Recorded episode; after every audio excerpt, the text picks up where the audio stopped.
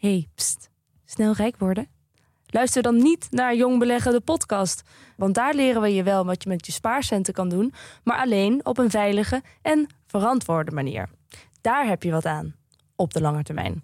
Ik ben Milou, beginner, en van Pim Ja, ik ben er ook. leer ik alle ins en outs over beleggen. En dat is leuker dan je denkt, zeg ik uit ervaring. En dat we al zo'n 4 miljoen keer beluisterd zijn, is daar wel een beetje het bewijs van. Meedoen? Start ook met luisteren naar Jong Beleggen, de podcast. En nu alvast een gratis tip. Start bij aflevering 1.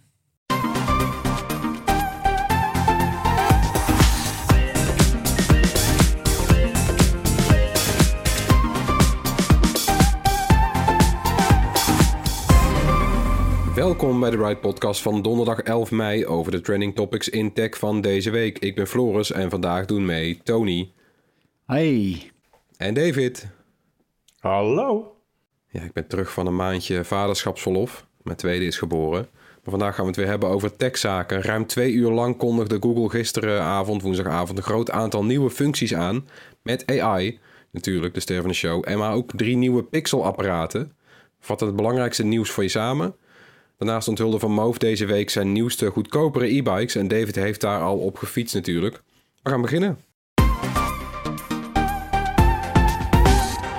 Google I.O. is het jaarlijkse ontwikkelaarscongres van Google. Voor de vijftiende keer alweer eh, dit jaar. Dit keer stond AI centraal natuurlijk. De hele techwereld keek mee naar de nieuwe AI-functies die Google liet zien. Ja, daar eh, zat iedereen volop naar te kijken, vol verwachting. Want eh, ja, Ja. Google was gewoon aan zet. Die moesten gewoon met iets komen door de, de, de nieuwe concurrentie van Microsoft natuurlijk met de AI-chatbot in Bing. En daarvoor ChatGPT. Ja, Ja, dat is een enorme bedreiging ja want daar zijn ze echt overvallen eigenlijk, hè? Uh, ja, min of meer wel. Terwijl Google jarenlang voorop liep met eh, onderzoek naar AI. Ja. En er vervolgens dan relatief weinig in zijn producten weet te doen. Hè, zij, zij zijn eigenlijk de grondlegger van een hoop technologieën die de concurrentie nu gebruiken. Ja, Die ze allemaal eh, vrij hebben gegeven. En eh, ja, daardoor raakt het, raakt het bedrijf natuurlijk in paniek. Want het gaat over miljarden en miljarden ja, omzetten uit reclames in de zoekmachine. Als dat op het spel staat, dat is, eh, ja, dat is een beetje vergelijkbaar met als er iets. Als er echte concurrentie komt voor de iPhone of zo. Dat, zo belangrijk is dat voor Google. Uit mijn hoofd is het geloof ik 270 miljard dollar aan eh, zoek. eh, ja resultaat 286 advertenties. miljard zelfs. Ja. Schatting ad- ad-inkomsten vorig jaar. Vorig jaar 286 miljard dollar. Ja, dat is ongelooflijk. Ja, dus die Zoveel zoekmachine, dat is gewoon eh, super belangrijk. Ja. Ja. Maar hun hand is een beetje gedwongen door Microsoft natuurlijk. Eind vorig jaar met ChatGPT en nu in Bing en zo. Ja. En Google had eh, eh, eerder dit jaar al een soort van kleine presentatie met AI-functies, experimentele AI-functies. BART en zo. ja, de chatbot Bart. Maar dat was een beetje paniekvoetbal.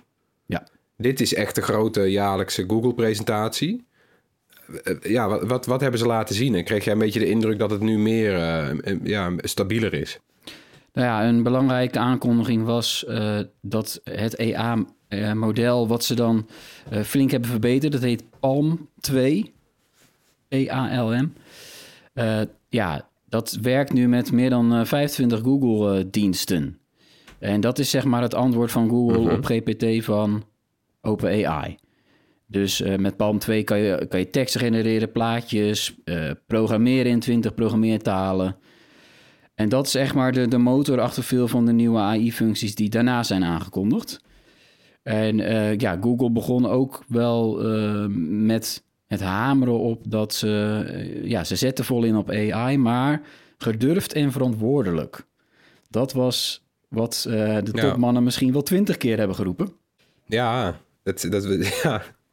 Maar en ze hebben daarbij niet Microsoft nadrukkelijk genoemd, maar dat is wel de, eh, de indruk die je toch krijgt. Dat zij zeggen van nou, wat, wat Microsoft en de rest doet, is eigenlijk onverantwoord. Die gooien het zonder, zonder checks de wereld in. Maar wij, Google, eh, wij zijn voorzichtig. Ja, absoluut. Bold en responsible. Dus ze willen, ze willen niet achterlopen. Dat is bold. Ja. En ja, dat responsible is wel degelijk Ja. een eh, reactie op Microsoft. Want, en daar hebben ze ook wel een beetje gelijk in. Die chatbot in Bing, die gooiden ze maar gewoon voor de hele wereld online. En achteraf moesten er eh, allerlei problemen mee opgelost worden. Weet je wel, dat is, eh, dat, hoe verantwoordelijk was Microsoft daarin? Maar dat is makkelijker als je de kleine speler bent... dan als jij veruit marktleider bent als Google. En ja, na, na de introductie uh, kwam er een hele sloot aan, aan nieuwe AI-mogelijkheden... waarvan de meeste experimenteel worden genoemd. Dus dat houdt in dat je in sommige gevallen uh, ja, je kan aanmelden voor een wachtlijst... die je nog niet meteen kan gebruiken in alle landen... Maar ja, het is gewoon wel belangrijk om die allemaal al te bespreken nu. Want ja, in feite zitten die dingen ook in de zoekmachine. Dus dat is voor veel mensen natuurlijk wel echt ja, schrikken als ze dat ineens gaan zien. Nee, precies. Dat wilde ik vragen. Zit het ook in, in, in die kern van Google meteen? Ja, daar ben ik ook benieuwd naar. Een van die experimentele features zit wel degelijk gewoon in de zoekmachine straks als je wat, typt, wat intypt. Uh, en nu, nu is dat nog niet beschikbaar voor iedereen. Maar, maar ja, dat, uh, dat, ik neem aan dat ze dit wel gewoon echt gaan uitrollen. En het heet AI Snapshots. En zo'n snapshot ziet er eigenlijk uit als een soort ja, blok met een andere kleur. Die is ook een andere kleur afhankelijk van het onderwerp. En die staat bovenaan de normale zoekresultaten. Dus je ziet wel meteen ook al een boodschap staan: dit is gegenereerd met AI. Dat staat er dan boven. En het is experimenteel. Maar het valt gigantisch op door die andere kleur en die andere opmaak. En daarin zie je eigenlijk uh, een met AI gegenereerd uh, kort antwoord op waar je waarschijnlijk naar op zoek was. En dat zijn in heel veel gevallen zijn dat van die gestructureerde lijstjes. Maar ik ben dan heel benieuwd hoe dat is. Wat, ja, nou ja, dat, dat is wel iets anders, David, dan, dan een chat interface van een chatbot. Dit is nee, in absoluut, feite maar nog steeds gewoon een zoek- zoekmachine met zoekresultaten, maar dan met een antwoord eh, waardoor je niet meer naar externe websites eh, doorklikt, waarschijnlijk. Oh, oké, dat snap ik het, ja. En, en om een voorbeeld te geven voor jou, David. eh, eh, Ja. Jij bent e-bike liefhebber, hè? Dat was wel grappig. In de presentatie van Google kwamen ze ook met een voorbeeld van een van de, van de dingen die je dan met AI kan. Je kan bijvoorbeeld zoeken naar eh, de beste e-bikes in het rood voor korte afstanden, maar wel eh, ook geschikt voor een stukje eh, heuvelop. Nou, daar zoeken natuurlijk mensen op. En dan krijg je een kort advies met een heel lijstje van verschillende e-bikes die daaraan voldoen. Dus echt gewoon met plaatjes, productnaam, prijs, link naar verschillende webshops en zelfs ook al in het kort samengevat in een paar regeltjes tekst per e-bike de voor- en nadelen. Dat staat dan in dat AI-blok. En vervolgens eh, komen nog een paar gewone zoekresultaten met eh, wat artikeltjes van websites die ook over de beste e-bikes voor korte afstanden hebben geschreven, weet je wel. Maar dat is best wel beperkt. En dan daar krijg je ook nog eh, de advertenties. Dus Oh, Oké, dus die, die, die, dat voorbeeld wat jij geeft, hè, beste e-bikes, korte afstanden, maar wel eh, bergop en bladibla. Dat zijn echt zoekresultaten eh, en niet gewoon eh, waar, waar de adverteerder voor betaald heeft. Nee, die, nee, precies. Maar die, zien, die gaan wel vaak gewoon natuurlijk naar één product. Het is wel gewoon een gestructureerd lijstje met deze moet je hebben. in deze prijscategorieën, bij wijze van spreken. Hè? Van een van deze e-bikes is de, de, de hoogste kwaliteit en de andere is de beste voor de, voor de prijs, zeg maar. Dat staat er dan ook allemaal al wel bij. Dat zijn eigenlijk dingen die ja, wij als media natuurlijk maken, dat soort lijstjes. Ja, ja. die kan Google dan toch wel genereren. Eh, en ja, er zijn ook allemaal voorbeelden die, eh, ja, ja, dat Google allerlei schema's kan maken en vergelijkingen en eh, kan vertellen van, hey, oké, je wil eh, op vakantie in een natuurgebied met een gezin met jonge kinderen en één hond. Welke van die natuurgebieden is daar het best geschikt voor? Nou, dan kunnen ze dat ook eh, zeg maar meteen in zo'n blok eh, voor je samenvatten. Waardoor je dan- dat lijkt wel ja, van mij. Ja, Maar het is ook een soort voortborduren eigenlijk op een functie die ze al hadden. Want ook nu al, als je op Google zocht de afgelopen tijd... dan kreeg je ook al heel vaak, lichten ze... eh, dan, dan kreeg je inderdaad een zoekresultaat... maar dan hadden zij alvast voor jou de relevante informatie uitgelicht. Ja, Dus dat is ook zo hoor. Dat doen ze al wel iets langer. Alleen nu ziet het er een stuk eh, heftiger visueel uit. En er zit gewoon meer informatie eh, in. Het- het- Maar het krijgen we nu dus eh, eh, natuurparken die helemaal overstelpt raken met jonge kinderen en allerlei honden of zo? Nou ja, ja, ja het, het- bedoel, de, bedoeling is natuurlijk dat je eigenlijk meteen je antwoord op je vraag eh, krijgt, David. Dus Ja, ik dat je niet wel. meer naar allerlei sites hoeft door te klikken. Dat is natuurlijk in het voordeel van, eh, van Google. En de voorbeelden die ze lieten zien als je naar Ja. producten zoekt. Ja, Google heeft ook zijn eigen productvergelijkingsonderdeel, shopping. Ja, dat lijkt daar ook een beetje, lijkt er heel erg eh, in verweven. Dus dat roept ook wel vraagtekens op over, over de concurrentie en dergelijke. Waar Google geld aan verdient zijn die advertenties. En die Maar blijven het, het natuurlijk ook gewoon in vind ik wel, denk ik. Ja, maar het verstandige van Google is wel dat het wel in de normale zoekresultaten dus is. Dus jij wordt nog wel re- redelijk misschien aangespoord om door te klikken. Want als er niemand meer doorklikt, dan is er straks geen site meer die eh, opschrijft waar je met je hond en je kind heen kan of die een lijstje maakt. Want als voortdurend, als het alleen maar een chatbot is en je hoeft nooit meer door te klikken, ja, op een gegeven moment dan droogt het op, toch? Ja. Dus en dat, dat moet Google ook juist weer zien te voorkomen. Ja, het opvallende aan, aan deze presentatie is eigenlijk dat ze deze AI-functies zijn niet in de vorm van een chatbot. Wel als je een paar eh, als je echt wil, kan, kan je daar wel in terechtkomen vanaf zo'n resultaat. Maar dan moet je specifieke vervolgvragen Uh-huh. stellen. Dan kom je wel in een meer chatachtige interface. Maar in eerste instantie blijft het gewoon een normaal zoekveld met resultaten. Het staat dus eigenlijk los van eh, de chatbot Bart van Google. En ja, ik, ik, ik, Ja. ik snap dat ook wel. Veel mensen die eh, blijven trouwens sowieso Google gebruiken. Hè. Ik ben eh vervent Chrome-gebruiker, de, de browser. Met één commando doe je een nieuw tabblad. Je typt de woorden in, je, in het adresbalk en je klikt op enter. Sneller dan dat kan gewoon je niet iets opzoeken. Echt niet. Ja, dat ga ik gewoon nooit veranderen. Nee. Dat is gewoon mijn gewoonte. En dat geldt voor, voor eigenlijk iedereen. Ja, zit in je spiergeheugen. Ja, dus kijk, Google moet ook helemaal niet in, in die interface op de schop, echt op de schop gooien. De resultaten moeten bruikbaarder worden. Ja, maar ja, ze moeten niet alles ja. ineens eh, dat je denkt van hé, hey, het is helemaal anders hier geworden bij Google. Want ja, in die zin is Google eigenlijk zijn eigen vijand. En is niet Microsoft de vijand. Hm. Maar als zij zelf te veel veranderen, ja, dan pas zullen mensen gaan kijken naar alternatieven. Maar nu heb je miljarden Google-gebruikers, die zijn dik tevreden. En die doen het al twintig jaar. En zelfs als er iets beter komt, zullen ze waarschijnlijk niet meteen hun gedrag veranderen. Want dat, dat gaat niet zo makkelijk. Dus ik snap het wel dat eh, dit een soort van tussenvorm eh, is. En dat het Ja. niet een heel grote Bart, verandering Bart is. blijft gewoon een soort van gescheiden. Bart wordt gescheiden doorontwikkeld, zeg maar. Ja, wat dat stukje over Bart, daar zeiden ze, het wordt nu opengesteld voor iedereen. Dus het was tot nu toe, eh, toen het in maart werd gelanceerd, alleen voor Engelstalige landen. Eh, nou, als het goed is, kan, Dat is waar, ja. kan nu iedereen mee aan de slag. Maar ik heb het net geprobeerd en ik kreeg geen toegang nog, want het stond er niet beschikbaar in jouw land. Dus misschien, misschien duurt het nog een paar dagen, maar het was wel de belofte dat iedereen Bart kan gebruiken. Eh, en ook in het Japans en Koreaans. Dat zijn de eerste twee andere talen. Maar er komen binnenkort ook 40 andere bij. Eh, misschien is Nederlands dan ook wel een van die 40 talen. Dat, dat zou zomaar kunnen. En eh, verder krijgt Bart ook nog wat andere, ja, wat andere zoekfuncties. eh, zoals bijvoorbeeld dat je... eh, hij kan antwoorden in plaatjes geven... en jij kan ook een foto meesturen met je zoekvraag. Dat kan de concurrentie ook, hè? Ja, precies. En eh, Ja. Bart kan straks ook plaatjes voor je genereren. Eh, in samenwerking met eh, Adobe, eh, Adobe's AI-systeem Firefly. En dat is ook de opmaat naar de integratie van meer diensten van derden in die chatbot. Dat is ook wel opvallend natuurlijk.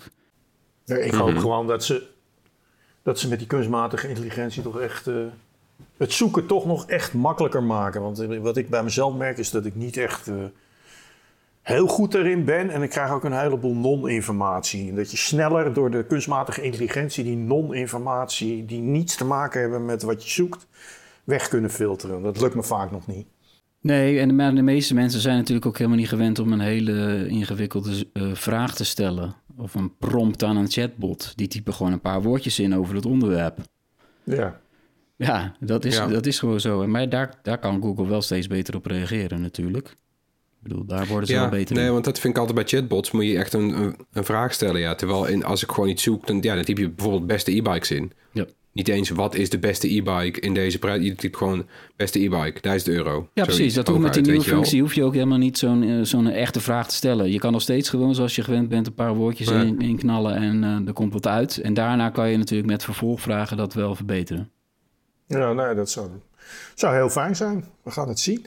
Ja, maar goed, veel AI dus. En normaal gesproken is Android eigenlijk het paradepaardje op, eh, op I.O. Ja. Is die dit jaar minder eh, behandeld? Nou, ja, dat was een soort side note. Een klein stukje over Android. Weet je, terwijl je jarenlang was dat, eh, ja, de hoofdrol toch, wat er dan later in het najaar aan Android Ja. zou worden toegevoegd. Dat, ja, het is een ontwikkelaarscongres, dus daar stond het gewoon vaak centraal. En, en nu was het minder, maar er waren alsnog wel wat aankondigingen natuurlijk. Want dat is elk jaar zo. En ook bij Android 14 zitten er een paar nieuwe AI-functies in. Eh, je kan bijvoorbeeld, en dat is ook wel een opvallende, want dat zit ook in, eh, ook in Gmail straks, maar ook in de berichten-app van Android kan je straks eh, ja, berichtjes voor jou laten schrijven. Het gaat dan over de functie Magic Compose. Hij stelt dan automatisch een reactie voor je voor. En dat is wel grappig hoor. Je kan dan zelf kiezen wat voor stijl dat gebeurt. Dus eh, hij, kan, hij kan ook leren van jouw eigen schrijfgedrag en van de context. Daar past hij al het bericht wat hij voorstelt op aan. Maar hij kan ook zeggen van antwoord in de stijl van Shakespeare. Dat kan ook. ja. Gelukkig. Gelukkig. Ja, gelukkig David. Of in een eh, Ja. antwoord op een professionele manier. Eh, die opties die komen dan in de berichten-app. En ehm, een andere AI-functie in Android eh, zijn geanimeerde wallpapers. Kennen we natuurlijk wel van iOS. Eh, ja, een functie die voegt dan diepte toe aan bestaande foto's. Eh, dat, ja, het ziet er wel leuk uit. Wel een mooie functie. Komt dan eh, komende maand naar Pixel-telefoons als eerste. Dat is ook wel wat, wat Google altijd doet, hè? Dus die, die Ja. gekke nieuwe Android-dingetjes, die, Ja. die heb je als eerste als je een Pixel hebt. Die nooit naar ons toe komen, toch, in Nederland? Ja, inmiddels wel? Dave. Oh. Inmiddels wel. Nee, dat, daar gaan we het zo over hebben. Ja. En, en verder nog? Andere kleine, kleine dingetjes? Ja, er was, echt, er was echt nog veel meer. In totaal waren het 30 eh, verschillende eh, blogposts. Dus dat, dat zijn nogal wat aankondigingen, hè? ja, ik haal er nog een paar uit. Ehm, voor het eerst komt er een, een specifieke WhatsApp-app voor eh, Wear OS smartwatches. Nou, die heb jij ook wel eens getest, toch, Dave? Die, eh, die horloges met het Google-systeem. Eh, ja. Zoals die van Samsung natuurlijk, hè? Ja, nou, ik had vooral die... eh, ja, welke... Ik weet het al niet eens meer. Het heeft geen indruk op me gemaakt, dat kan ik je wel vertellen. Nee, wordt wel weer verbeterd, Wear OS. Dus dat is het goede, goede nieuws. Allerlei eh, verbeteringen later dit jaar. Waaronder dus die WhatsApp-app. Eh, de Google Home-app die heeft ook een, een enorme vernieuwing ondergaan. Dat was al aangekondigd, maar die is dan vanaf nu, vandaag, voor iedereen beschikbaar. En passant noemde Google ook nog eventjes dat ze samen met Samsung een mixed reality platform aan het bouwen zijn. Dat was e- eh, twee zinnetjes. ja. Oh, Ja, nee, die konden ze toch Dus niet is- laten, ja. Floris. Ze weten, even, even claimen. ja, ze weten natuurlijk dat mogelijk eh, Apple binnenkort met zijn eerste mixed reality bril komt. Ja. Dus er moest toch iets over gezegd worden. Maar ja, eh, pas later dit jaar wordt er meer over bekend. En eh, ik vond een nieuwe functie van Google Foto's die app. Vond ik ook wel leuk. En eh, ja, dat heet Magic Editor. Dan kan je met AI nog meer nieuwe bewerkingen doen. Eh, zoals, eh, ja, je kent het wel, hè? verwijderen van mensen op de achtergrond, maar ook verplaatsen van hele dingen binnen je foto, verbeteren van de luchten en dergelijke. En daar, dat is wel een van de dingen die Google goed doet. ja, je hoeft niet meer te kunnen photoshoppen inderdaad. Ja, en wat denk je? Die komt ook weer eerst naar de Pixels gebruikers. Ja, nee, dat zal wel. Ja, ik ben wel, eh, ik ben wel enthousiast over eh, Wear OS. Die, eh, die WhatsApp. Want tot nu toe is WhatsApp eigenlijk best wel slecht bruikbaar op smartwatches. Zelfs op de Apple Watch, wat toch de populairste is. Dus ik hoop dat WhatsApp hier nu eindelijk meer nadruk op gaat leggen. En dat je gewoon... Ja. Nou, weet je wel, bijvoorbeeld als je nu een foto binnenkrijgt op WhatsApp op je Apple Watch... dan is die heel low res. Dan zie je eigenlijk niet wat erop staat. Je kan ook niet super goed reageren. nee, je kan Dus alleen ze als er iets eh, ja, binnenkomt als ze dat even reageren, mee toch? gaan pakken. Ja.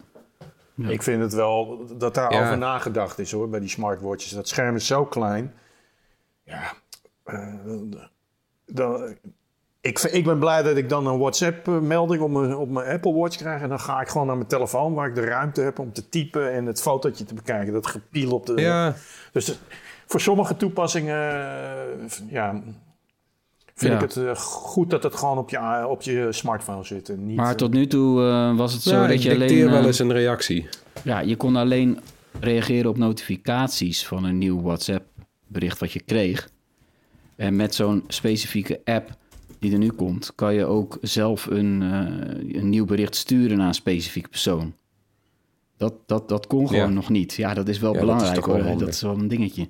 Eh, voice memo's Ja. kun je ook sturen vanaf je pols. Dus dat is toch voice, wel... eh, dat vind ik wel handig dan. eh. Maar goed, die komen dus eerst naar Pixel-gebruikers. Eh, en over die Pixels gesproken, er zijn toch weer drie nieuwe Pixel-apparaten onthuld. Was het een beetje wat, eh, ja, wat, wat er uitgelekt was, wat we verwacht hadden? Ja, we hebben natuurlijk eh, een uitgebreide voorbeschouwing gedaan laatst in de podcast. En Ja. veel daarvan kwam uit, laat ik het zo zeggen. Maar zal ik gewoon met slechte nieuws beginnen? Ja, dat moet, Ja. ja. oké. Nou, hij is aangekondigd, de eerste opvouwbare smartphone van Google, de Pixel Fold. Maar eh, ja, je raadt het misschien al, hij komt nog niet naar Nederland. Dat zei ik toch? Ah. Ja, Dave, het is, het is, weer, het is weer zover. Ze doen het er bijna om. Maar ja, dus de, de Pixel Fold eh, weten we voorlopig niet wanneer die in ons land te koop is. Maar de prijs is het andere slechte nieuws. Want eh 1899 dollar is, eh, ja, dat is heftig, hè? Ja, dit is echt gewoon laptopprijzen. Ja, Ja, Ja. dat is die, mijn iPhone eh, Pro Max ook. Die, die is ook. Ik weet niet welke ervoor betaald Ik wil het niet eens weten welke ik ervoor betaald heb, maar het is uh, MacBook-prijs of zo. Nee, en ja, verder wat Ja. over die Pixel Fold, eh, dat, dat kwam allemaal uit. Wat, wat er eh, was gelekt, eh, een 5,8 inch scherm aan de buitenkant. En dan als je hem, als je hem openklapt, heb je binnen een eh, 7,6 inch scherm met 120 hertz. Dat is een ja, lekker groot schermpje. Daar heeft Google ook allerlei Ja. verbeteringen voor gedaan. Dus eh 50 van zijn eigen Android-apps en allerlei externe populaire Android-apps zijn geoptimaliseerd voor dat soort grotere schermen. Dus eh, zowel voor tablets als foldables. En b- dat is wel fijn bij zo'n vouwtelefoon. Want je kan zo'n vouwtelefoon natuurlijk half openklappen en dan op, de, op je tafel zetten. Eh, met de, je zeg maar de, dat je de helft van het scherm dan ziet. En de andere helft ligt op tafel. Ja, En daar hebben zij eh de ja layout voor laptopstand eigenlijk. ja, ze, ja, ze noemen, ja, het is eigenlijk gewoon een soort laptopstand. Ze noemen dat tafelbladmodus. Dat schijnt dan eh, nu bij allerlei apps verbeterd te zijn, dat het er dat het op die manier werkt. Ja, dat is ook wel mooi. Ja. Ja, en inmiddels weten ze natuurlijk ook wel iets meer van hoe mensen zulke soort toestellen, apparaten gebruiken. Ik kan me voorstellen dat dat, dat wel lekker is. Want een normale smartphone, die zet je niet zo makkelijk even in een fijne hoek. Maar deze Nee, wel. Precies, en de- dat krijgt eh, de, de Galaxy eh, van Samsung krijgen die ook, hè, die, die speciale verbeteringen. Het is Ja. ook samen volgens mij met Samsung ontwikkeld, hoor, Ja. die software eh, dingen. Dus dat is wel, eh, dat is op zich wel mooi. me, dat zou slim zijn. Ja. Ja. Dan eh, de andere nieuwe En Pixel. dan nog een primeur. Ja, Ja. de tablet. Die, die, die kwam er ook. Ja, precies zoals verwacht. Een, een Pixel tablet met een ingebouwde speaker dock. Zodat, je, ja, zodat je tablet altijd een volle accu eh, heeft. Want dat was natuurlijk wel, ja, dat is een dingetje. Hè? De tablets die slingeren altijd in huis, zegt Google ook. Maar als je hem dan eenmaal nodig hebt en je hebt hem gevonden ergens tussen de kussens in de bank, dan is, het, eh, is die weer leeg. Want daar lag hij eh, dagenlang. Dus als je hem nou op een vaste plek Ja. in een speakerdock zet, zodat hij ook nog kan werken als hij daarin zit als een slim scherm. In die hub-modus kan die Pixel tablet, eh ja, krijg je allerlei eh, smart home bedieningsfuncties. En je kan zelfs, Ja, je kan zelfs Chromecasten naar, naar, naar het scherm. En dat soort dingen. Dus ja, ja, leuk dus idee. je- ja, ik vind het wel slim. Zit dat, er- zit dat dock erbij? Jazeker, ja. Ja, dat mag ook wel, want die Pixel tablet kost 679 euro.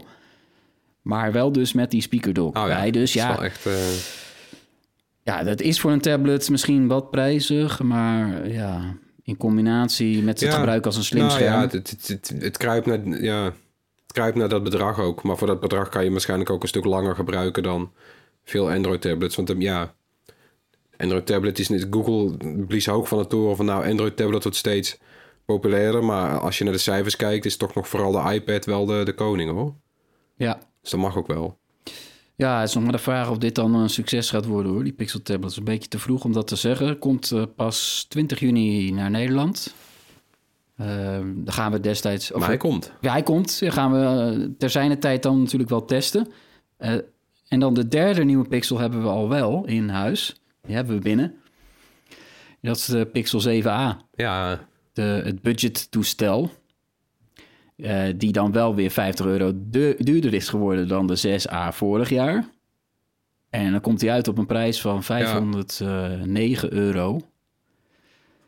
Kun je het nog wel budget noemen? toch jammer. Ja, eigenlijk gewoon Ja, midrange. onder de hè? 500 is het nog makkelijker inderdaad. Ja, het is mid, ja, het begint midrange te worden. Maar toch, nou, verder altijd- is het wel een mooi ja. toestel hoor. goede, Eh, goede ja, waar voor je geld. Ja, je krijgt een nieuwe chip, eh, die Tensor G2, die ook in de duurdere 7A, of eh, de duurdere 7 en 7 Pro zit. Je krijgt een eh 6,1 inch Mhm. eh, 90 hertz scherm.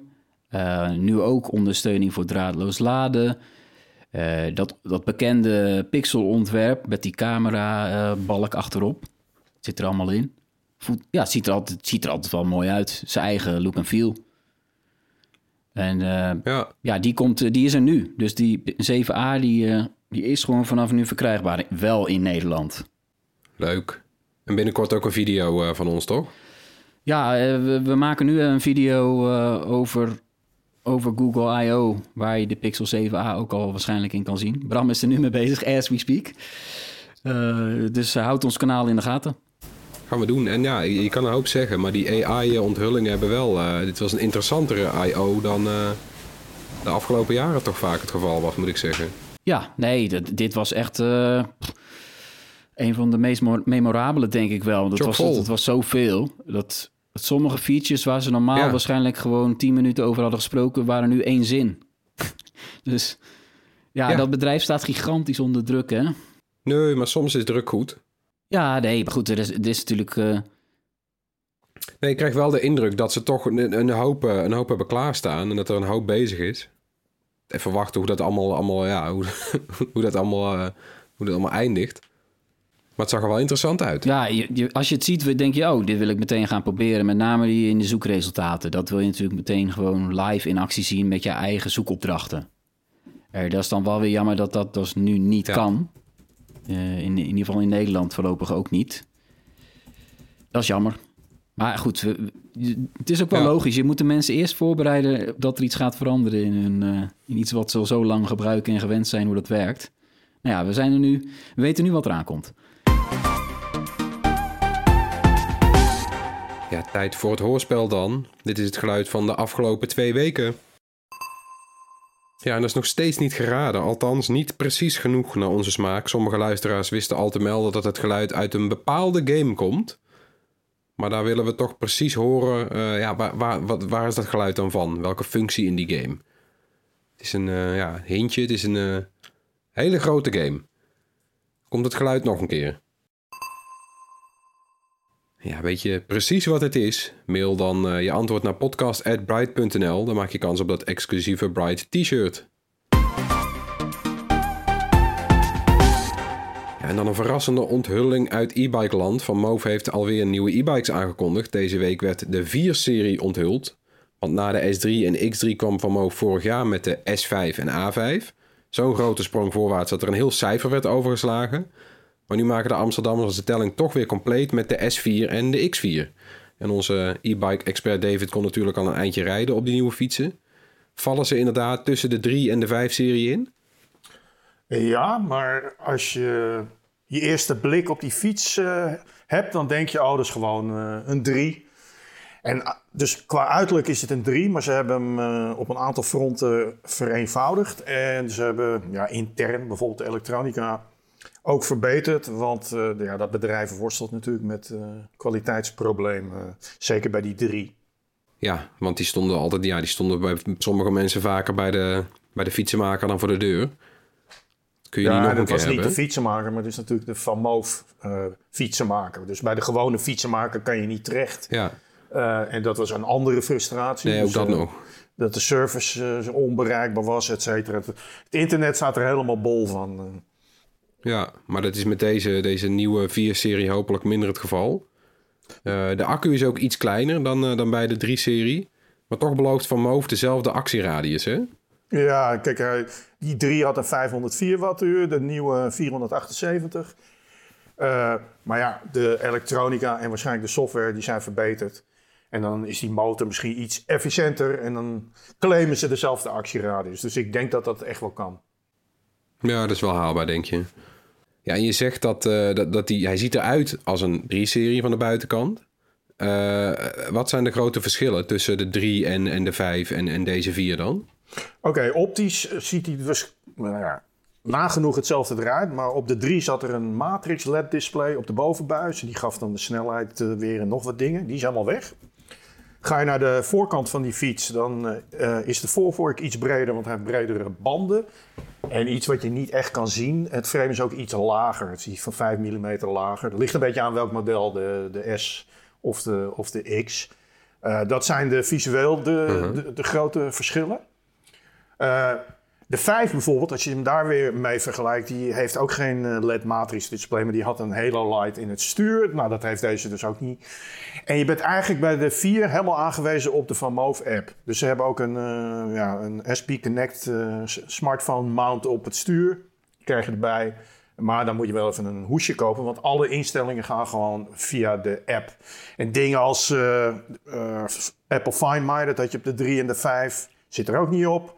Op de 5 heb je een USB-poort om je smartphone op te laden, zit er niet op. En hij heeft nu nog maar eh, twee automatische versnellingen. En die eh, schakelen mechanisch. Bij de 3 en bij de 5.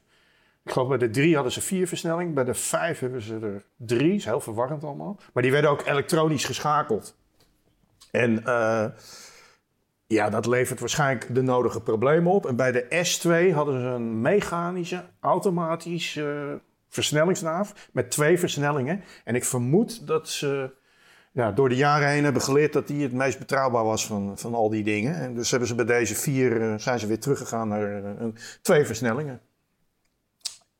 En Ja. dan, ja, dan en is die, die hoef je dus, die gaan automatisch. ja, net zoals die Daar heb je andere. toch nog geen omkijken naar.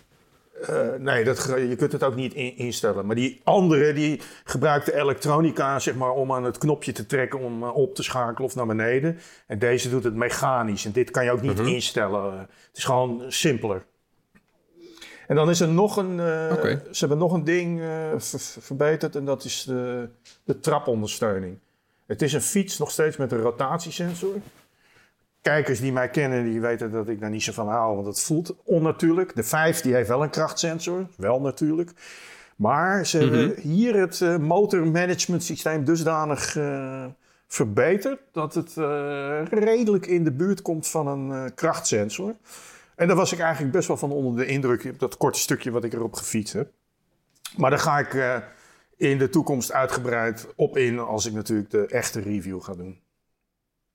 Ja, want David, eh, moet je lang wachten voordat je deze fietsen krijgt? Dat is altijd een dingetje bij Van toch?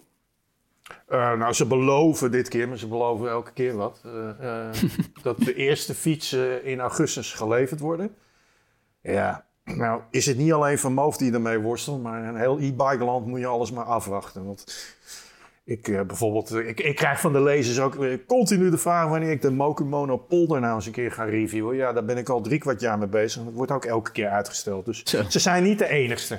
De enige, En bij- sorry. Nee, en bij Van Moof is het ook zo dat ze... De verschillende kleuren hebben ook een, al- een verschillend moment waarop je ze kan bestellen, geloof ik. Hè? Dat is ook lekker verwarrend Ja, daar keer. snap ik helemaal niks van. Wij, wij gebruiken zelf eh, de, de, de, de tekst te koop, maar het is eigenlijk een soort pre-order. Ja, Want ze hebben eh, op zijn Nederlands eh, donkergroen, lichtgroen, geel en paars.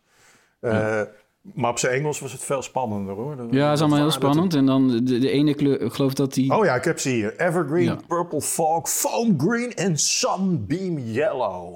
Ah, die, die gele is wel green yellow, David. Dat is echt geel.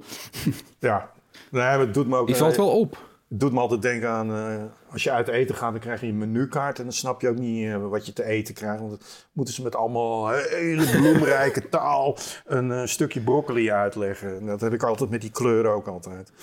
Ja, maar, maar als jij dus zeg maar de, een bepaalde kleur wil hebben, dan kan je die pas op een, eh, een bepaalde maand bestellen. Ik geloof dat de donkergroene, die is nu wel al te bestellen. En dan daarna de paarse eind mei en dan de gele en dan de lichtgroene. Ja, lekker handig allemaal. Ik snap daar niet, nee, wat, daar, wat daar de achterliggende gedachte van is, dat weet ik niet.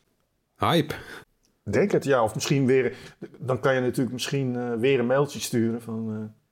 Eh, let op, volgende, volgende Ja. maand is de Sunbeam Yellow eh, in de pre-order. Misschien is dat het, ik weet het niet. Ja, of misschien willen ze een beetje een idee hebben van welke, welke ja, hoeveel, hoeveel verf ze moeten bestellen of zo. Geen idee, het zou zomaar kunnen. Ja, iedereen heeft leveringsproblemen, dus het kan best zijn dat... eh, dat eh, nou, het is trouwens geen Ja. ge, gepoedercoat, dus het is, eh, het is iets anders. Oh ja, nee, vooruit. en dan de Hollandse vraag, wat kost dat? Ja, dat is een heel groot verschil met de S5. Eh, of de 5-serie moet ik eigenlijk zeggen. Hij kost 2198 euro. En dat is eh 1300 euro goedkoper dan eh, de 3498 van de 5-series. Van de 5-reeks. En dat is natuurlijk... eh, Ah. met die 5 Ja. zitten ze gewoon in een compleet ander segment eh, gebruikers. En eh, hun populariteit was ook mede onder eh, jonge mensen die een mooie hippe fiets willen. En met die 2198 eh, proberen ze die doelgroep weer aan te spreken die het ook minder belangrijk vindt om, eh, vinden om elke feature die de 5 heeft ook te hebben. Dat is eigenlijk een beetje de opzet, denk ik. Ja. Is een slimme, slimme, slimme opzet wat jou betreft? Ja, ik denk het wel. Eh, omdat, eh, ja, we weten allemaal... eh, ze zitten in moeilijk vaarwater. Ze hebben veel problemen, zowel financieel... maar ook al die service dingen en eh, eh, kwaliteitsproblemen. En laten we er even vooruit op lopen dat, dat, dat die nieuwe 4 betrouwbaarder is. Dan is dit wel een heel mooi prijsje. Hè? De, de fiets, eh, dit, dit gaat richting de, bijna een budgetfiets. Een Penwezen, mijn favoriete eh, urban e-bike, ja, die is nog een stuk goedkoper, aan, aan 1799 euro. Maar eh, cowboys zijn ook tegenwoordig tegen de 3000. Zelfs de goedkopere Veloretti, eh 25 of 2400, dat weet ik allemaal niet uit mijn hoofd. Maar dit is wel een, een hele mooie prijs, maar dan wel in de hoop dat die ellende van, eh, van slechte kwaliteit, dat dat over is. Nou, laten we daarop hopen inderdaad. Binnenkort eh, ga jij hem langer testen. Ja, dat is wel de bedoeling. Dan is het tijd voor een eh, rondje kort nieuws. Disney Plus is voor het tweede kwartaal op rij abonnees kwijtgeraakt. In de afgelopen periode eh, ja, ging de dienst er 4 miljoen gebruikers op achteruit. Disney Plus heeft nu nog 157,8 miljoen gebruikers. Drie maanden eerder waren dat er nog 163,17 miljoen. En een kwartaal eh, eerder meldde Disney Plus voor het eerst een gebruikerskrimp. Dat is voor het eerst dus sinds ze in 2019 eh, starten. En de daling zou grotendeels komen door problemen met Disney Plus Hotstar. Een platform voor spotuitzendingen, onder meer in India. En in India verloor Disney de streamingrechten voor cricket, de populairste sport in India. Dus hebben veel Indiërs eh, ja, hun abonnement opgezegd. En daarnaast is Disney Plus de afgelopen jaar, eh, ja, tijd, in korte tijd eigenlijk twee keer in prijs verhoogd. Dat helpt ook niet natuurlijk. Nee, dat, dat blijft wel een lastig verhaal. eh. het, het komt wel een moment dat de groei er echt uit is uit die streamingmarkt. Zijn we daar eigenlijk al, zijn we daar eigenlijk al beland? Het zou zomaar kunnen. Ja, ja, als je naar Netflix gaat, toch ook niet zo best. Dus ik denk van wel. Ja, HBO Max ging dan wel weer redelijk. Maar ja, Ja, en er is wel een wissel van de wacht geweest. Eh, bij Disney is de CEO Bob Iger is weer terug. Die was eigenlijk met pensioen, maar de, zijn opvolger die, die deed het zo slecht dat ze gewoon de boel weer hebben teruggedraaid. Eh, hij is nog niet zo lang terug dat je dat nu al zou kunnen merken, denk ik. Maar de, Bob Iger is wel, eh, eh, ja, die is nu echt al wel wijzigingen aan het, eh, aan het maken. Eh, ja, het lijkt erop dat hij toch de boel weer eh, op, op, op rails moet krijgen. Ik ben benieuwd wat hij, eh, wat hij de komende tijd gaat veranderen aan Disney+. Plus. Ja, en of hij nog in Florida blijft. Zo, ja. Het is een podcast op zich inderdaad, wat er allemaal in Florida gebeurt. Nou, YouTube dan. YouTube test het blokkeren van gebruikers die op hun beurt weer de reclames van YouTube blokkeren met een adblocker. En door, door adblockers loopt YouTube veel geld mis. En YouTube geeft gebruikers nu eh, twee opties. Eh, adblocker uitschakelen of een abonnement nemen op YouTube Premium. Eh, en dan, ja, met YouTube Premium krijg je natuurlijk video's zonder reclame te zien, maar dan moet je er wel voor betalen. Het is niet be- bekend in hoeveel landen die test te zien is en hoe groot die is. Eh, YouTube Premium is er in ieder geval vanaf 7 euro per maand. En dan heb je alleen het abonnement zonder reclame. En wil je bijvoorbeeld ook video's offline opslaan of toegang tot YouTube eh, music erbij, dan betaal je al 12 euro voor een eenpersoons abonnement. Ja, ja dat, dat, je, je vraagt je af eh, waarom ze niet eerder die adblockers hebben aangepakt. Het voelt als een vrij late actie, Ja. of niet? Na al die jaren zoveel geld Ja. mislopen. Dat zijn niet Ze alleen zeggen ook eh, wel, eh, YouTubers, ook, de- ook wij als videomakers lopen dan geld eh, mis, hè? Ja, ja, want YouTube bestaat inderdaad. YouTube brengt voor, voor Google zelf eigenlijk niet eens zo heel veel geld op. Soms, soms maken ze er verlies op. Maar al die inkomsten, die worden, dat- ja, daar worden wel miljarden mee, mee, mee omgezet. En een groot deel van die miljarden, of ja, 30 procent, eh, wordt gedeeld met, met de creators. Eh, dus je krijgt, ja, je krijgt, ja, het, het kan flink oplopen. Zeker Ja, voor die hele 55, grote YouTubers 55%. krijgen flinke advertentieinkomsten. Is het? Is dat eh, is een mooie deal, hè? Je krijgt ongeveer de Krijgt. helft. Ja. Die krijgen, ja, Ja. ja, precies. Nou, het is best netjes. ja, nee, dat, dat En maar is ja, dan, moet, dan moet het wel binnenkomen. Ja, je, je, je vraagt je altijd af hoe populair die dingen al, zijn, eh, die adblockers. Eh, ik heb de indruk dat het wel degelijk echt Ja. een gigantische hoeveelheid mensen eh, die dingen hebben. Zeker. Dat echt wel Zeker. En het was altijd een kat-en-muisspel natuurlijk. Dus het, vooral het nieuws is eigenlijk vooral dat die, dat die melding nu wordt getoond van ja, je kan ook een abonnement nemen. Want eh, nou ja, YouTube heeft al heel veel pogingen gedaan om, het is echt een kat-en-muisspel, dat je gewoon een adblocker installeert en dan krijg je toch advertenties te zien op YouTube. Dat is, eh, dat is Google al heel vaak gelukt om dat er doorheen te krijgen. Ja, maar dan na verloop van tijd werkt het niet meer, hè? Dat is echt zo. Ja, Nee, da- daarom dan bedenkt die adblocker Ja. weer een nieuwe, een nieuwe sluiproute. En dan, nou ja, dat is een beetje dat spel. Maar ja, voor YouTube is het gewoon beter als dan de mensen een abonnement nemen als ze zo'n hekel aan reclame hebben. Ja, ik, ik ben er zo een. Ik, eh, laatst was mijn abonnement afgelopen. Ik, ik had een dag weer eh, de hele tijd advertenties. Ik werd er knettergek van. Dus meteen weer vernieuwd. Ik had hem niet op automatisch is het niet te doen, hè?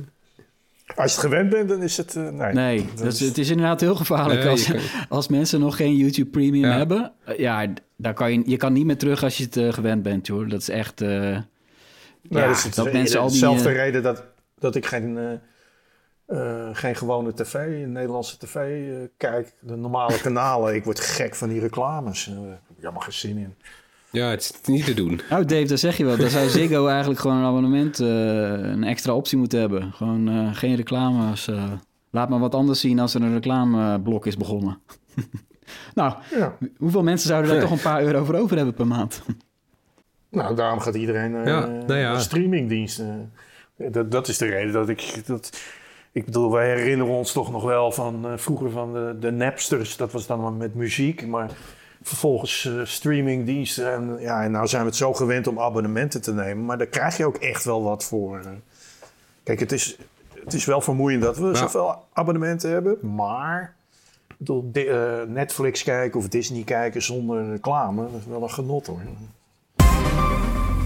Dan de lang verwachte game Hollow Knight Silksong. Die komt later uit dan verwacht. Het spel moest in de eerste helft van dit jaar verschijnen, maar de release is weer uitgesteld. Het vervolg op de game uit 2017 alweer zou eigenlijk dus in de eerste helft van het jaar verschijnen.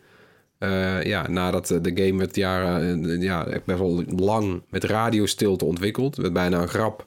Elke grote gamepresentatie die, eh, die werd gepland, zei iedereen... oh, gaan ze nu eindelijk bekendmaken of Silksong komt? Nee, weer niet.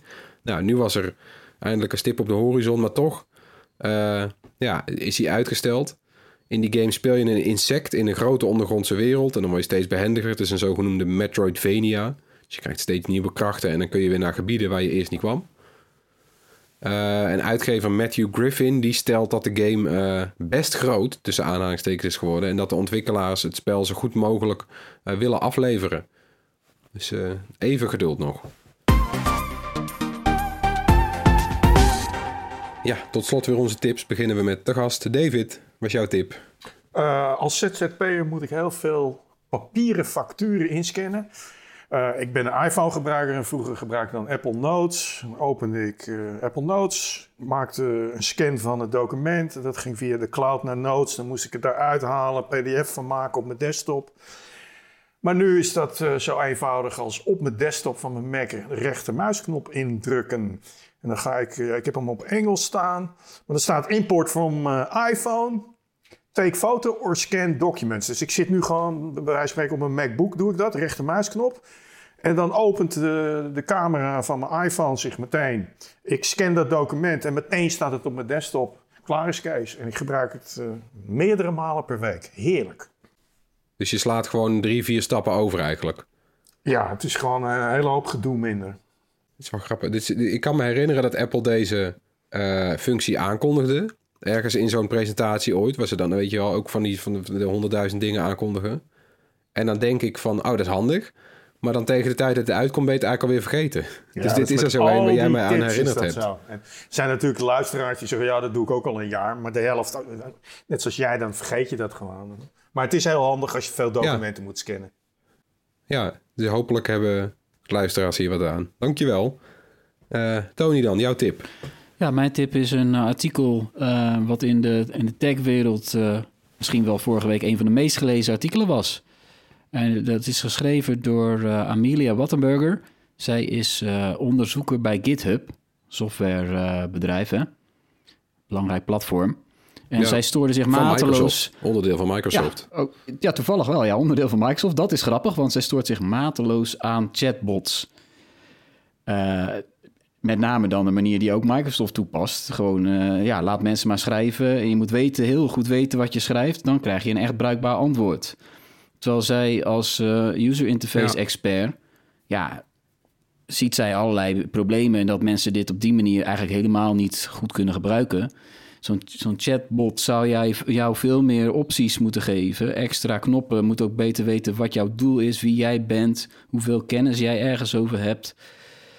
Dus er zullen veel meer eh, ja, aanpassingen gedaan moeten worden aan die chatbots dan alleen een simpel veld waarin je een tekst schrijft. Ik bedoel, dat is gewoon niet werkbaar. Daar heeft zij een, een heel goed punt. Bijna iedereen was het ook met haar eens. Het is eigenlijk gek dat het ondanks alles toch nog zo populair is geworden de afgelopen maanden, ondanks die beperkingen. Ja. Ja, je moet eigenlijk naar een, naar een forum om, om te zien wa- wat je in zou moeten typen in zo'n, in zo'n veld om echt iets, iets handigs te krijgen. Ja, nee, dat absoluut. is best Ik heb ingewikkeld. zelf ook Ik zou- wat filmpjes zitten kijken en dan legt iemand uit en dan moet je dit schrijven en dan vervolgens precies dit en dan dat. Ja, ho eens even, dat, dat, dat gaat niemand, daar moet je echt een expert voor zijn. Dat is niet voor normale mensen. En dan moet, dan moet ik elke keer allerlei, allerlei Nee. instructiefilmpjes gaan zitten kijken. Terwijl er ook allerlei knoppen en sliders in beeld kunnen staan die jou meteen gaan helpen. En die staan er nu allemaal nog niet. Dus ja, ik vind dat ze het goed heeft uitgelegd Maar- wat er allemaal moet verbeteren. Ongetwijfeld eh, zullen die dingen er wel gaan komen. Ja, nee, ja, boeiend. Eh, we gaan het linken in de show notes. Ik heb ook nog een tipje meegenomen. Dat is een film deze keer. Confess Fletch heet die. Het is een murder mystery comedy met John Hamm. Die kennen we uit Mad Men. Die speelt onderzoeksjournalist Fletch. Is ooit in andere films wel eens gespeeld door Chevy Chase. Het is een lekker vlotte film, anderhalf uur in plaats van die drie uur die films vaak zijn eh, tegenwoordig. Eh, allerlei vreemde personages. En ook leuk, het mysterie eh, is wel ingewikkeld en vreemd. Maar achteraf gezien had je het zelf ook een beetje uit kunnen vogelen. Daar hou ik altijd wel van. Dat het niet zo is van, oh ja, zit je twee uur te kijken... en dan komen ze met iets wat ik helemaal niet had kunnen weten. Dus dit, eh, ja, dit is wel een film waarbij je het zelf zou kunnen weten. Hij is te, te huren of te zien op Sky Showtime, mocht je daar een abonnement op hebben. Ja, verdomd, heb ik ook nog. Nou, dankjewel Floris. Hey. heb ik eindelijk iets om daar te ja, kijken. dit is echt een leuke. Dus de streaming dienst met de minste Precies, ja. updates onderhand. Maar eh, ja, leuk. En wat kost het dan, Sky? eh? Ja, Ja, uit mijn hoofd zeg ik 3 euro. Maar dat is misschien omdat ik als een van de eerste dat abonnement afsloot. ik heb weer zo'n korting gescoord. ja Ja, hè? Dat zoiets klopt, hè? heb ik ook, ja. Dat was ook zo'n zo'n startkorting, ja. Ja, die heb ik toen ook nog gepakt. En huren, ja, dat, wie doet dat nog?